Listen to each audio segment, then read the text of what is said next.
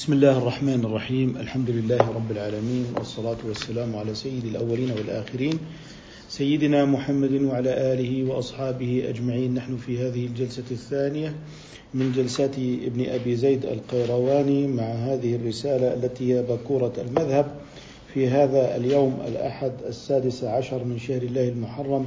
لسنة إحدى وأربعين وأربعمائة وألف الموافق الخامس عشر من شهر أيلول لسنة تسع عشرة وألفين للميلاد. وصلنا إلى عند قول المصنف رحمه الله تعالى ويستحب لمن دخل منزله. تفضلوا دكتور مؤيد. ويستحب لمن دخل منزله أن يقول ما شاء الله لا قوة إلا بالله. ويكره العمل في المساجد من خياطة ونحوها ولا يغسل يديه فيه ولا يأكل فيه إلا مثل الشيء الخفيف كالسويق ونحوه ولا يقص فيه شاربه ولا يقلم فيه أظفاره وإن قص أو قلم أخذه في ثوبه ولا يقتل فيه قملة ولا برغوثا وأرخص في مبيت الغرباء في مساجد البادية. ولا ينبغي أن يقرأ في الحمام إلا الآيات اليسيرة ولا يكثر.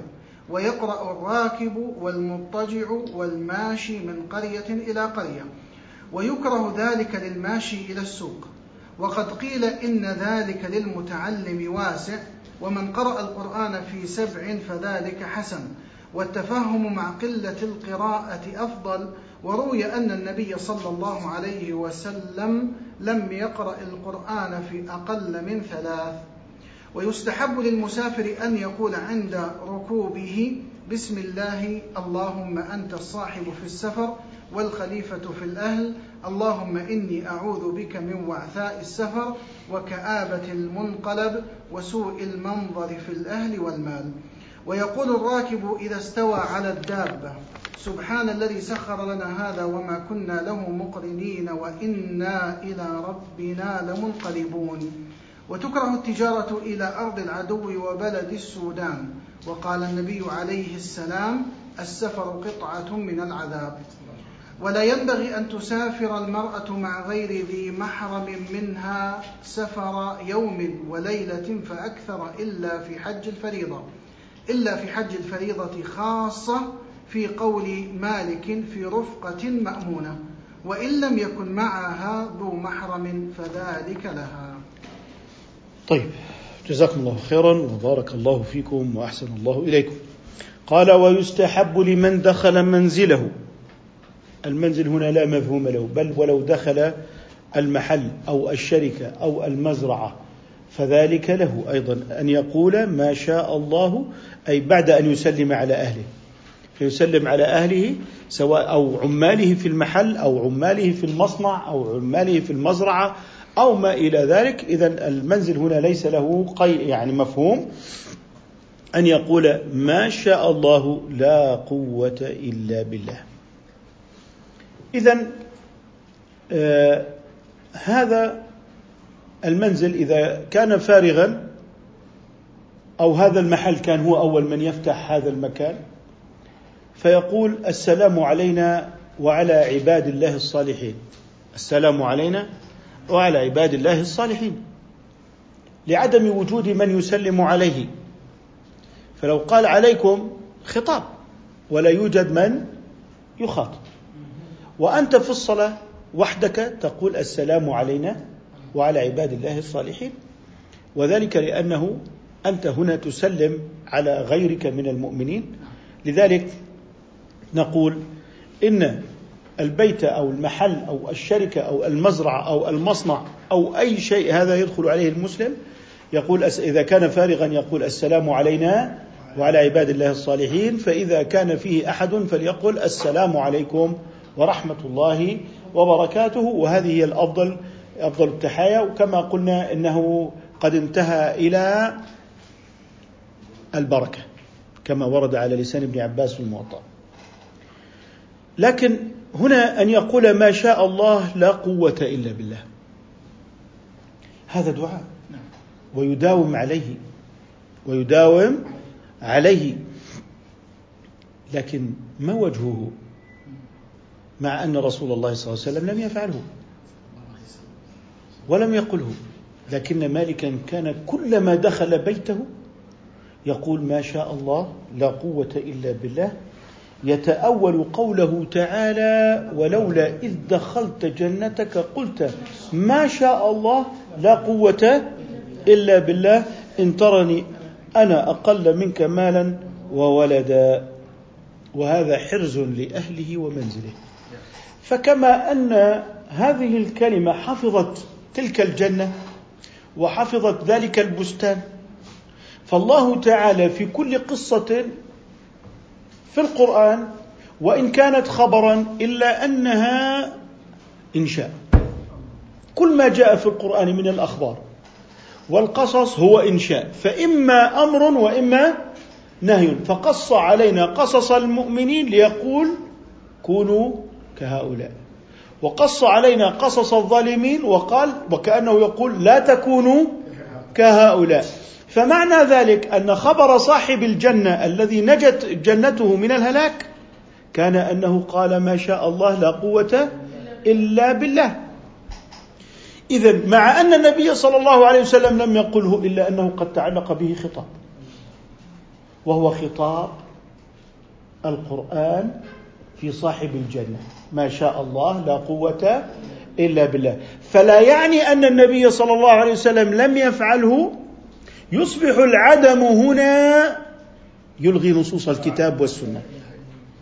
في وقت أصل يصبح فيه العدم دينا والدين عدما. لذلك مالك عندما كان يدخل بيته وإن لم يفعله الصحابة ولم يفعله رسول الله إلا أنه قد تعلق به خطاب شرعي. لذلك نحن نقول إن الحكم الشرعي هو خطاب. طيب فلما كان عند مالك أن شرع من قبلنا هو شرع لنا جعله من شرعنا وتعلق به الخطاب وهو دين. لكنني لو قلت لك لم يفعله رسول الله ماذا فعلت بالعمومات؟ أعدمتها.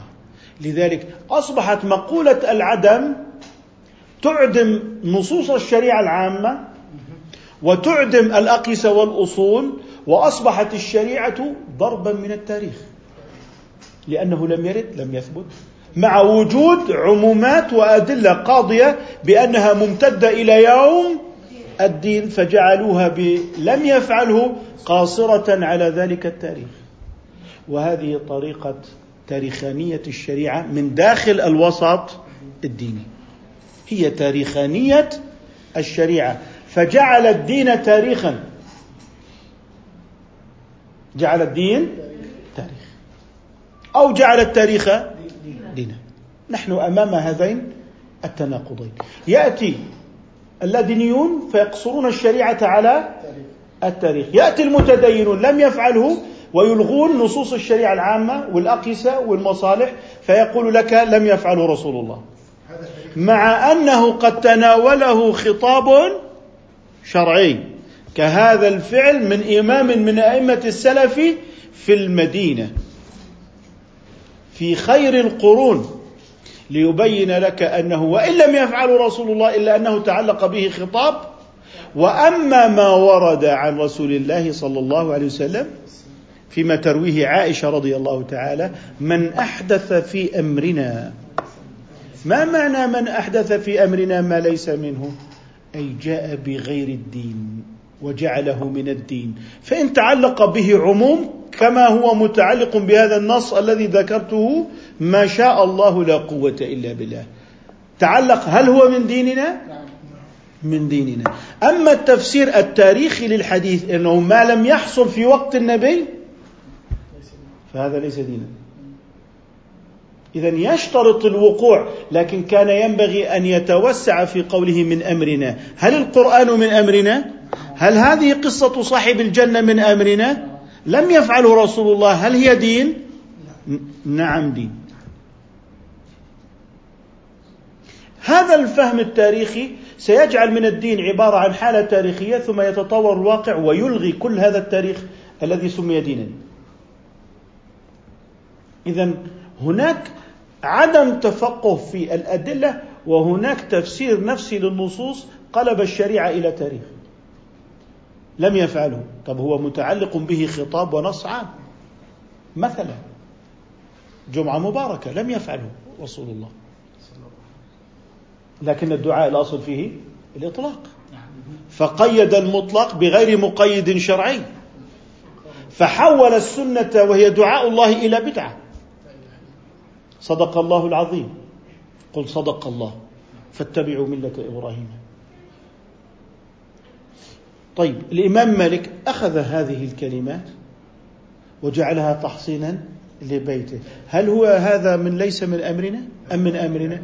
من أمرنا. إذا هناك تصور أن من أمرنا الفعل الذي وقع في المدينة. فإذا لم نجده وقع في المدينة فألغوه في القرن الواحد والعشرين والقرن الخامس عشر الهجري. إذا هي تاريخانية الشريعة لكن بطريقة معكوسة من داخل الوسط الدين. فنحن أمام إشكاليات آه، وهي إلغاء عمومات الشريعة وأصولها وقواعدها العامة بالعدم. فأصبح العدم دليلا والدليل عدما. وهذا هو من قلب الشريعة في هذا الزمان. وتقلبات ما بين يدي الساعة. أن عمومات الشريعة لم تعد أدلة وأن عدم التاريخ أصبح دليلا.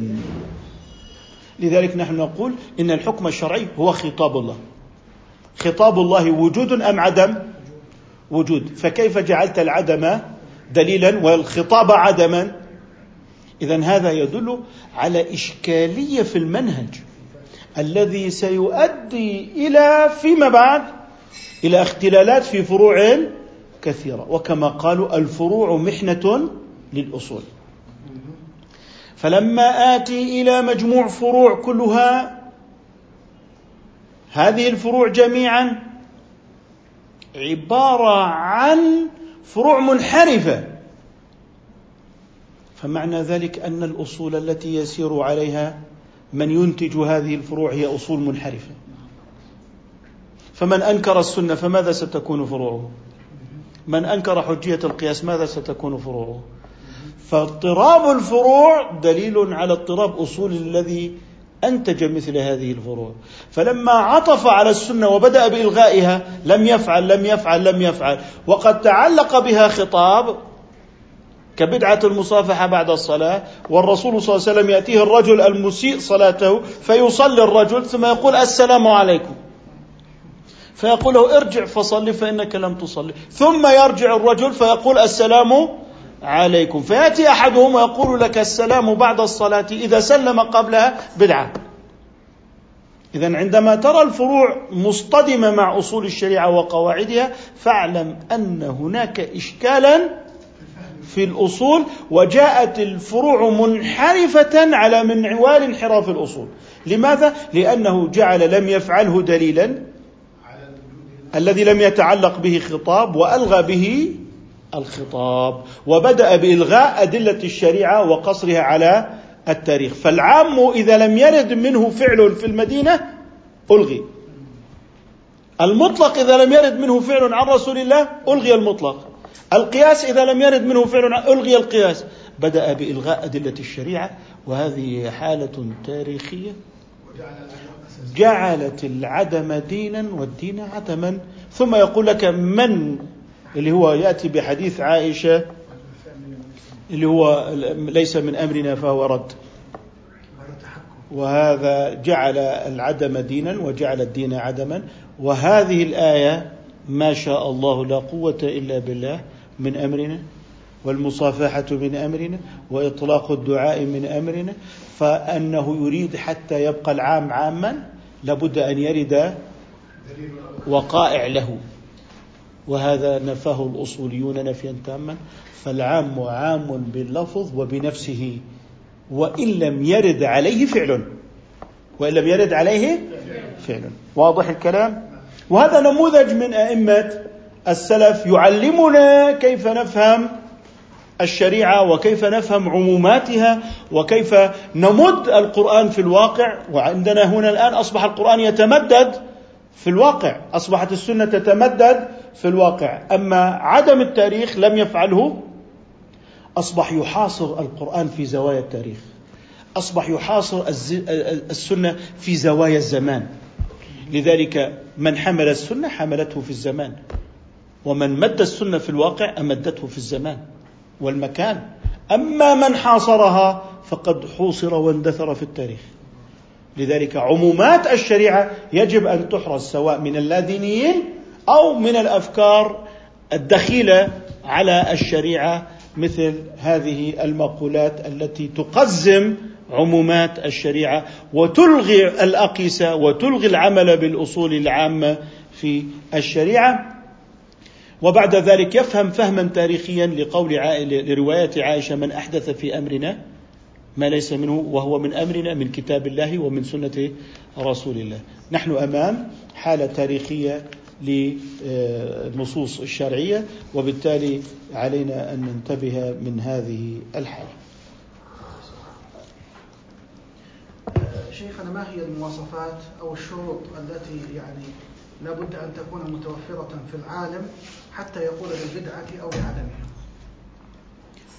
شروط العالم الذي يتكلم فيما يتعلق بأصول عليا مثل البدعه والكفر والإيمان يشترط له شروط زائدة على من يتكلم في الحلال والحرام.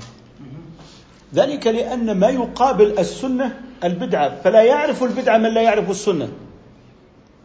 ولذلك يقول الإمام الشاطبي رحمه الله إن البدعة لا تتصور من إمام مجتهد لا يقع في البدعة لكنه يقع في الخطأ. يعني ليس معصوما يقع ممكن أن يقع في الخطأ لكن لا يمكن الإمام المجتهد أن يقع في البدعة. لماذا؟ لإحاطته بالسنة. لعلمه بأصول الشريعة وقواعدها العامة، لكن ممكن مجتهد مذهب يمكن أن يقع في إذا خاض في الكلام في البدعة ربما يخطئ فيها.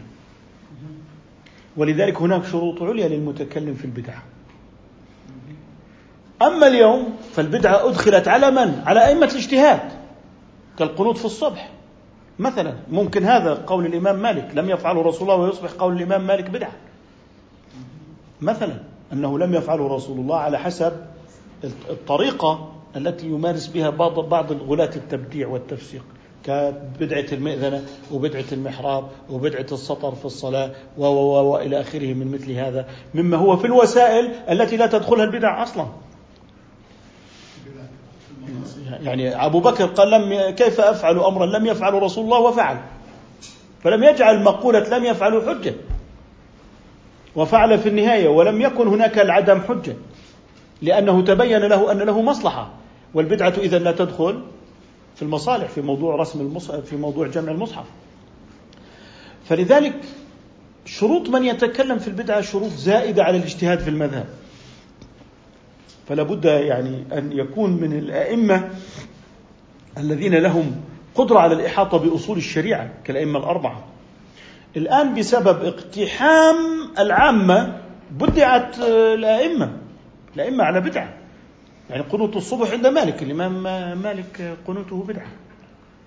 يعني من الذي حكم عليه؟ هناك رواية نأتي بها ونعيد تنشيطها وبث الحياة فيها لنبدع أئمة الاجتهاد. لذلك أنت أمام ارتباك في الدين. طب تعال إلى المسائل المعاصرة. لا تجد من يحسن اقتحامها لكنه يعيد إنتاج نفس التاريخ يعيد إنتاجه من جديد. يقرأ روايات ثم يعيد تحضيرها من جديد ليجعلها هي الدين وتتحول المذاهب التي هي المركز إلى أطراف ثم يتحول الأطراف إلى مركز. هذا هو الواقع. تأتي برواية يا بني محدث لإلغاء المذاهب المعتبرة.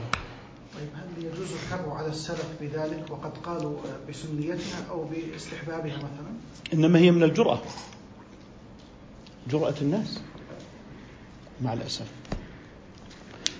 لذلك هي مقامات الاقتحام على السلف. يعني ماذا يعني أنك تقول إنها بدعة؟ ما هي عدالة صاحب البدعة؟ عدل ولا مجروح؟ قال هي بدعة لكنه ليس مبتدعا. آه آه، هو زنا لكنه ليس زانيا.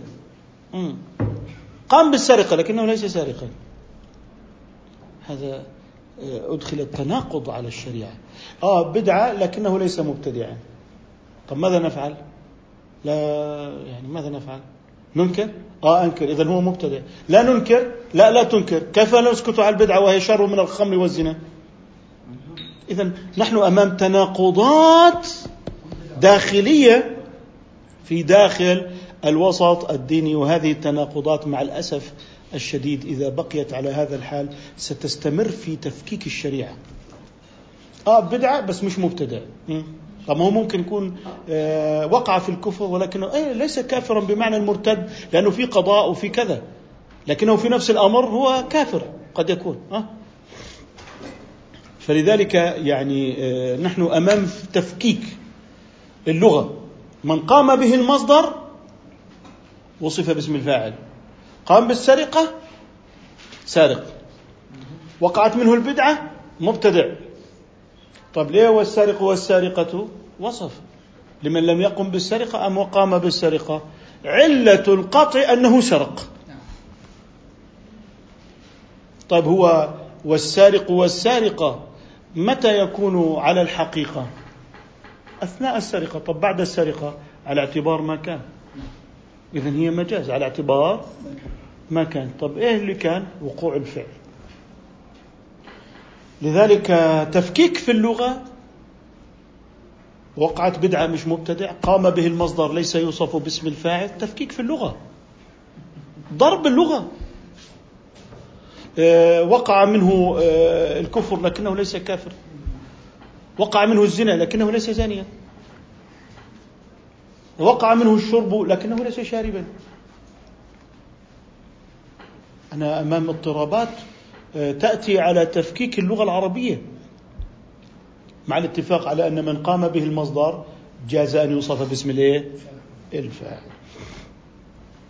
طيب آه، لذلك التناقضات في الدين هي يعني مادة دسمة لمن يريد أن يشكك في الدين. لذلك آه، إزالة هذه التناقضات طريق أولى لفك الهجوم على الدين لتفكيك الهجوم على الدين. آه، نكتفي بهذه في ما يتعلق بقول الإمام مالك رحمه الله تعالى في هذا الأمر. صدق الله العظيم نفس الباب. عندما تقول قل صدق الله فعل أمر لماذا؟ والله هو آه، كلما قرأ القرآن. طب هو مالك كلما دخل المنزل؟ هل يعني كلما دخل المنزل تدخل في موضوع التباس التخصيص؟ التخصيص كيف يكون التخصيص؟ لا يعرف كيف يكون التخصيص. هل المداومة تعني أنه كذا؟ يعني تجد أن إشكالات في المداومة وكلمة التخصيص وأنها كلمات مضطربة آه، أقحمت في غير محلها. آه، قال ويكره العمل في المساجد وهذا كراهة تنزيه. وهذا إيه؟ كراهة تنزيه. وهذا سواء كان بأجر أم لا. لكن العمل إذا كان يعطل الصلاة يعني دخلنا المسجد لا يمكن أن تقيم فيه صلاة. هذا بيطرش على اليمين هذا بيطرش على اليسار هذا كذا إلى آخره. لا لا, لا يجوز أنك أنت تقوم بعمل يعطل الصلاة إلا إذا كان ضرورة. ولا تعمل صيانة المسجد اعمل كذا. هذا لخدمة المسجد. لكن العمل والله هذا بخيط وهذا بيكتب قضية وهذا بيعمل كذا إذا أدى إلى تعطيل الصلاة في المسجد فهو حرام. إذا لم يؤدي إلى تعطيل الصلاة في المسجد فهو مكروه. جائز مع الكراهة. من خياطة آه، ونحوها ولا يغسل يديه فيه. أي لا يغسل يديه؟ في المسجد. لا يغسل يديه في المسجد. طيب إن كانت الغسالة نجسة فهو حرام. إن كانت طاهرة فهو جائز مع الكراهة. فهو جائز مع الكراهة. إذا التضييق على المصلين حرام. آه، بأي عمل كان. الغسل إذا كان من غير نجاسة فهو مكروه. إذا كان مع نجاسة فهو حرام. قال ولا يأكل فيه إلا مثل الشيء الخفيف يعني الذي لا يلوث كالسويق. السويق مثل الكعك. يعني شيء لا يلوث ما ينزل أكل على السجاد. مثلا الآن زمان كانت حصى أو شيء من هذا القبيل لكن لا يلوث المسجد وينزع عن مثل هذا. ونحوه اللي هو مما لا يلوث. ولا يقص فيه شاربه لأنها أوساخ. سيفصل الايه في ولا يقص فيه شاربه ولا يقلم فيه أظفاره. وإن أخذه في ثوبه وإن أخذه في ثوبه يعني المبالغة إنه ما يكره لك أن تقص الشارب أو أن تقص الأظافر حتى وإن كنت ستضعها في ثوبك ثم تلقيها خارج المسجد. اذا هذا مبالغة في موضوع الإيه؟ الكراهة. لتنزيه المسجد عن مثل هذه آه، القاذورات. قال وإن أخذه في ثوبه هذا للمبالغة. واضح؟ هذا وإن قص أو قلم أخذه في ثوبه. إذا محل الكراهة ولو كان إذا كان سيأخذه في ثوبه. قال ولا يقتل فيه قملا لأن القمل نجس. لأن ميتته له نفس سائلة. ولا برغوثا ولا برغوثا. طيب آه، إذا قتل القملة تركها حرام لأنها نجسة. طيب قتل القملة وأخرجها برا مكروه. مكروه واضح؟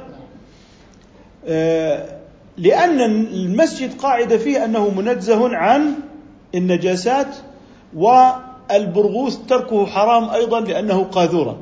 لأنه إيه؟ قاذورة لأجل الاستقذار. طيب ما وجه قتل القملة والبرغوث؟ قالوا إنه إحنا عندنا المسجد موطن الرحمة. ألقها خارجا.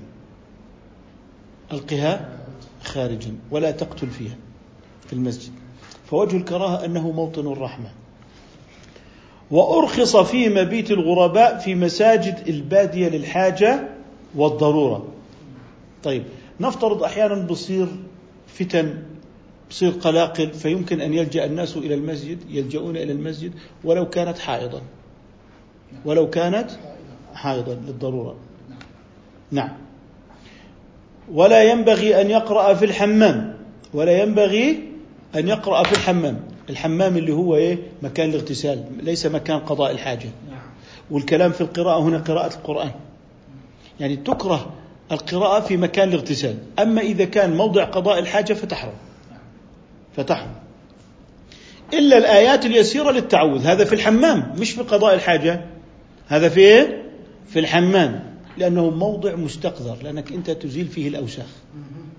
إذا موضع اللي هو كراهة قراءة القرآن في الحمام الذي هو مكان الاغتسال لأنه إزالة للقاذورات. أما موضع الخلاء فهو حرام. فهو حرام.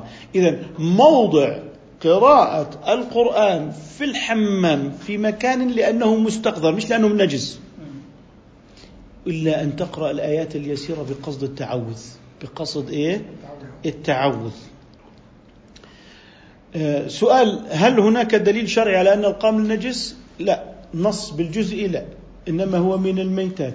فوجدنا أن الميتات ذات نفس سائلة وأن النفس السائلة إذا ماتت فإنها نجسة. طيب. بالعمومات. بالعمومات. نعم. إذا في قوله اللي هو المكان اللي هو مستقذر لكن بدون نجاسة هذا يكره في قراءة القرآن. اللي فيه النجاسة حرام. المست... المكان اللي فيه القاذورة لكن ليس نجزا يقرأ القرآن للتعوذ فقط كالآيات اليسيرة. قل هو الله أحد بس. ما يقرأ حزب من سورة البقرة؟ اللي هي إيه؟ آية, آية من الآيات كل القرآن يتعوذ به كله كله يتعوذ به. نعم. لذلك آه، التعوذ هذا جائز في موضوع المكان اللي هو فيه إيه؟ المستقذر وما ينفصل عن الإنسان من القاذوره، ممكن واحد يقول الماء حمام نظيف كذا، لا ما هو ما في ما. انفصال الأوساخ عن الإنسان. هذا هو المت... اللي هو إيه؟ المستقذر. ولا يكثر يعني لا تكثر. آيات يسيرة ولا تكثر. ويقرأ الراكب والمضطجع والماشي. إذا هؤلاء كلهم يقرؤون. إذا أنت تقرأ القرآن متكئ؟ جائز. على ظهرك؟ جائز. قضية والله عدم احترام القرآن ذوقية مشاعرية. أصلا أنا لأنني مهتم بالقرآن أنا أقرأ وأنا نائم. طيب.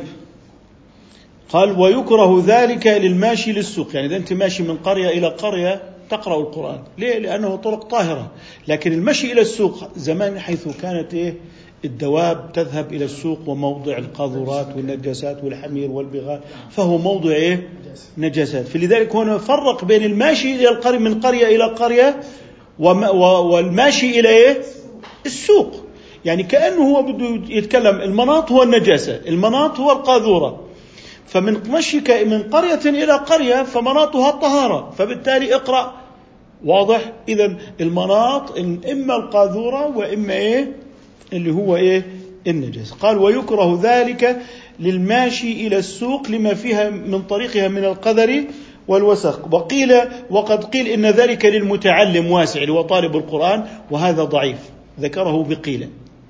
أنه لا يخص قارئ طالب القرآن لأنه ليس كثيرا. واضح؟ ومن قرأ القرآن في سبع أي في سبع ليال فذلك حسن. مستحب لأنه من عمل السلف. ثم قال والتفهم مع قلة القراءة أفضل. التفهم مع قلة القراءة أفضل. يعني أيهما أفضل أن تقرأ كثيرا بلا فهم ولا تقرأ قليلا مع الفهم؟ قليل مع الفهم. اللي هو التدبر للقرآن الكريم. كيف يكون التدبر؟ تدبر بفهم اللغة بفهم القواعد بفهم البلاغة بفهم ماذا يريد بك القرآن من أمره ونهيه آه، من وعظه من إرشاده من بيانه. هذا هو إيه؟ التدبر. أفضل. إذا التدبر أفضل من القراءة التي هي سرد الحروف لقوله تعالى أفلا يتدبرون القرآن ولقوله آه، عليه الصلاة والسلام لم يفقه القرآن آه، من قرأ القرآن في أقل من ثلاث. وروي أن النبي صلى الله عليه وسلم لم يقرأ القرآن في أقل من ثلاث. إذا إذا بدك تقرأ بثلاث ستكون سرد حروف. والقرآن إنما نزل لإعادة إنتاج الواقع وإصلاحه على ما ينبغي وما يريده الله تعالى. ويستحب للمسافر. ها مسافر على اعتبار ما سيكون. هو سيسافر. أن يقول عند ركوبه اللي هو فتح باب السيارة مثلا دخول باب الطائرة مثلا. بسم الله. بسم الله. اللي هو آه، زمان كان اللي هو وضع الرجل في في الركاب مثلا ودخول باب الطائرة وما إلى ذلك. بسم الله. اللهم أنت الصاحب في السفر. والخليفة في الأهل اللي هو أنت وكيل عليهم. اللهم إني أعوذ بك أي أتحصن من وعثاء السفر اللي هي المشقة. وكآبة المنقلب. كآبة المنقلب معناها سوء الحال من فوات ما أريد. يعني أنا بدي أرجع ما عملت من سفري شيء. هذه هي إيه؟ سوء المنقلب. أو وقوع مكروه لي في هذا السفر. إذا ما معنى سوء المنقلب؟ أني أنا انقلبت بدون غاية السفر. ما حصل لي ما أريد. أو حصل مكروه من حادث سير أو سجن أو ما إلى ذلك من مثل هذه المنظر وسوء المنظر. طبعا سوء المنظر أي المنظر السيء. أي المنظر السيء فهو من باب إضافة الصفة للموصوف. المنظر السيء سوء المنظر اللي هو إضافة الصفة إيه؟ اللي هو للموصوف بمعنى اللي هو المنظر السيء في الطريق. أن تشاهد الحوادث المميتة على الطريق الصحراوي. سقوط الطائرات كوارث المطارات كوارث الطرق من انهيار الجسور. هذا هو اللي هو مقصود به سوء المنظر. في الأهل في أهله وماله. ويقول الراكب إذا استوى على ظهر الدابة. الراكب إذا استوى على ظهر الدابة بمعنى استقر وجلس. اللي هو طبعا هنا بدخول الدابة اللي هو مش فقط إذا ركب دابة حتى لو مشى. يعني ماشي. في ناس كانت تسافر مشاة مثلا. ماذا يقول الماشي؟ يقول سبحان الذي أقدرنا على هذا. إنه أقدرك على المشي. سبحان الذي أقدرنا على هذا. ويقول راكب البحر بسم الله مجريها ومرساها إن ربي غفور رحيم. إذا سبحان الذي سخر لنا هذا وما كنا له مقرنين. أي لم نكن مطيقين له. رجعنا إلى الخلق وأن الله هو الذي يقدر عبده. مقرنين.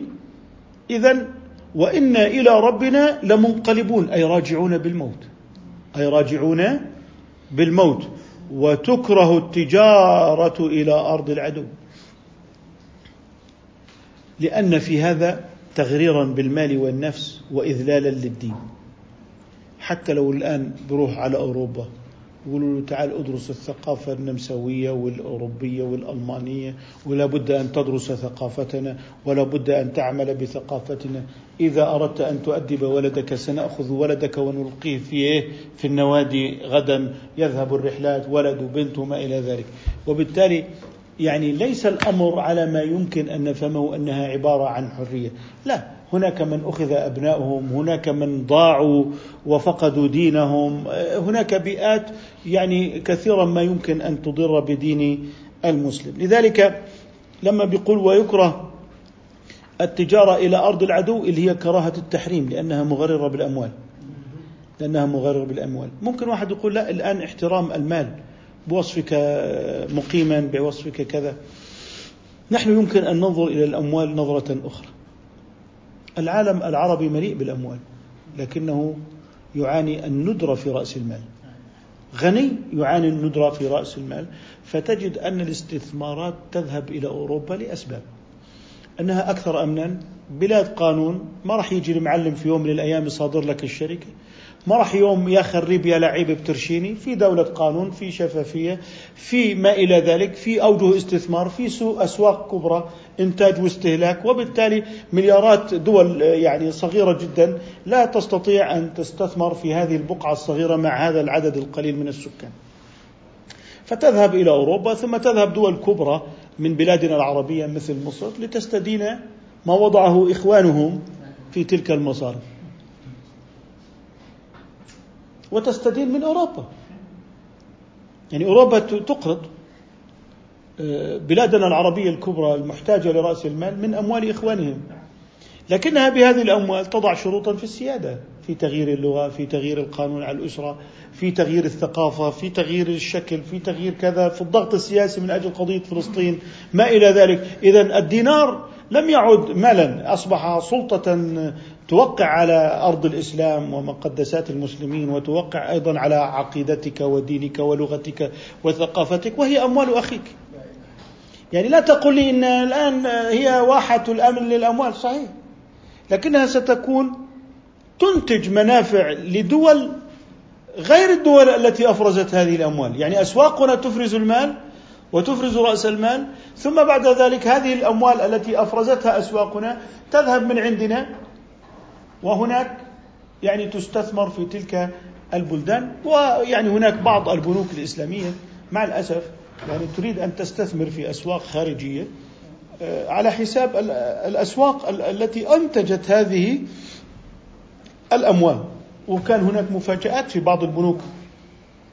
عندما أفلست أو وقعت في ضوائق مالية بسبب استثمارها في أسواق دول أوروبية نحن نقول إن آه، الأموال التي أفرزتها أسواق المسلمين كان من الأولى أن تعود على أسواق المسلمين ومن هنا لابد أن يكون لنا نظرة واسعة في موضوع اقتصادات المسلمين وهو أن أموالهم أولى بهم وهم أولى بها. اذا آه، موضوع الاستثمار لا عندنا أسواق في ديارنا الإسلامية لكن ربما يقول لك آه، لا توجد هناك قضاء نزيه في هذه البلدان لا يوجد فيها آه، سلطة آه، حيادية وملتزمة بأحكام القانون. ربما يكون هذا مبررا لكننا نقول يمكن أخذ ضمانات دولية من هذه الدول ممكن تستثمر رؤوس أموال مثلا فائضة في السودان في زراعة القمح والشعير. أرض بكر كلفة قليلة جدا وتعطيك ما تعطيك من سلة غذائية. هي يعني نمتلك فوائض نفط وفوائد رأس مال ونمتلك أراضي زراعية خصبة أيضا. لنا يعني مراكز العجز ومراكز الفائض داخل العالم العربي. قال وبلد السودان. هذا يعني آه، لما قال إلى أرض العدو وقال وبلد السودان فسر أنه بلد السودان في ذلك الوقت كان الكفار فيه أشد وطأة على المسلمين. لهذا ذكر بلد السودان آه، وخصهم بهذا إنه السفر إليهم له أسباب في الخوف، اولا اتساع البراري والأراضي. ثانيا أنهم كانوا يعني آه، أشداء على المسلمين. ولعل العصر الحالي الموجود أيضا يوضح هذا الأمر، يوضح هذا الأمر. لذلك فيما يتعلق بموضوع سفر المسلمين اللاجئين إلى الغرب وما فيه من إكراهات ودمج ثقافي. الغرب يتحدثون في قمة الديمقراطية عن الإدماج الثقافي. يعني لا لسه لسه ما زلنا بالسفر لديار الكفار. الغرب يتحدث عن الإدماج الثقافي للمسلمين. طب أين حرية الاعتقاد؟ أنت الآن مخالف للمعلم الحضاري. أنت لست مثل عباد البقر ولست مثل البوذيين. أنت الآن تأتي بنموذج حضاري متكامل مخالف. لذلك أنا أتكلم عن الإدماج عنك لا أتكلم عن البوذي. لذلك هم يتكلمون عن موضوع الإدماج. وأنه لابد أن يندمجوا ويريدون آه، إسلاما فرنسيا لا إسلاما في فرنسا. لذلك يبحثون عن الإدماج. آه، وإعادة قصقصة الدين بما يتناسب مع الفلسفة الغربية الحجاب إنكار الغيبيات في صورة جديدة كعذاب القبر أو الملائكة وإعادة تفسيرها تفسيرا ماديا بحيث أنه يصبح الإسلام في مجموعه وتفسيراته تفسيرات معاصرة ضمن الملحق الثقافي للحضارة الأوروبية يعني في الصفحة قبل الأخيرة أو في صفحة فن الطبخ. يعني يأتي هناك ليكون تابعا وما كان الإسلام في يوم ما تابعا. بل هو متبوع. لذلك آه، يعني السفر للغرب فيه محاذير أكثر مما كان في موضوع السابق. نعم تدخل معك المصحف وتصلي ولك المسجد ولك كذا لكن هناك إكراهات أخرى كبيرة في هذا الموضوع. وقال النبي صلى الله عليه وسلم السفر قطعة من العذاب وذلك لما فيه من مفارقة الأحبة ومخالطة من لا يحب وأنه يمنعه الطعام والنوم والشراب. ثم قال ابن أبي زيد ولا ينبغي أن تسافر المرأة. ولا ينبغي أن تسافر المرأة. أي يحرم. هنا النهي نهي إيه؟ تحريم. أن تسافر ليه المرأة. يحرم سفرها مع غير محرم منها. أو زوج طبيعة الحال. مطلقا. وذلك فيه أسباب لما فيه من الخلوة بالأجنبية. إذا في موضوع السفر السفر القصير محرم لما فيه من الخلوة. فحيث ترتبت الخلوة في السفر فهو حرام للخلوة وإن لم يكن مسافات القصر. وإن لم يكن مسافة القصر. آه، موضوع المذهب في موضوع سفر المرأة المتجالة اللي هي العجوز الكبيرة بغير محرم هو من باب التخصيص بالمعنى لأنها لا يأبه إليها الرجال مثل امرأة عمرها سبعين ثمانين سنة جاز سفرها بلا محرم للتخصيص بالإيه؟ بالمعنى ما ورد في الحديث من اليوم واليومين والثلاثة لا مفهوم له لماذا؟ لأنها تحمل على عدة حالات فأجاب فسئل عن يوم فأجاب عن يوم فسئل عن يومين فأجاب عن يومين فسئل عن ثلاث عن ثلاثة أيام فأجاب عن ثلاثة أيام إذا لا مفهوم لليوم ولا لليومين وهو محمول على تعدد الأسئلة الأسئلة. طيب إذا موضوعنا في موضوع اللي هو القول بعلة التحريم بعضهم يقول الأمن. بعضهم يقول إيه؟ الأمن. إحنا هنا انظر إلى الخلوة. الكلام بالخلوة. الكلام ممكن يكون بالخلوة. الطائرات ممكن تنزل اضطراريا في فنادق. غرب لا يأبه. هذا زوج هذا زوجة برتبها المسافرين في إيه؟ بيعبوهم بهالغرف مثل البكس مثل الصناديق. خلاص ما عنده معنى. لذلك الشريعة هنا متخوفة ليس فقط من قضية الأمن بل متخوفة من قضية الخلوة ومتخوفة من قضايا أخرى. ليس الأمن منها وحتى الآن أجهزة الأمن لا تبالي بهذه القضية.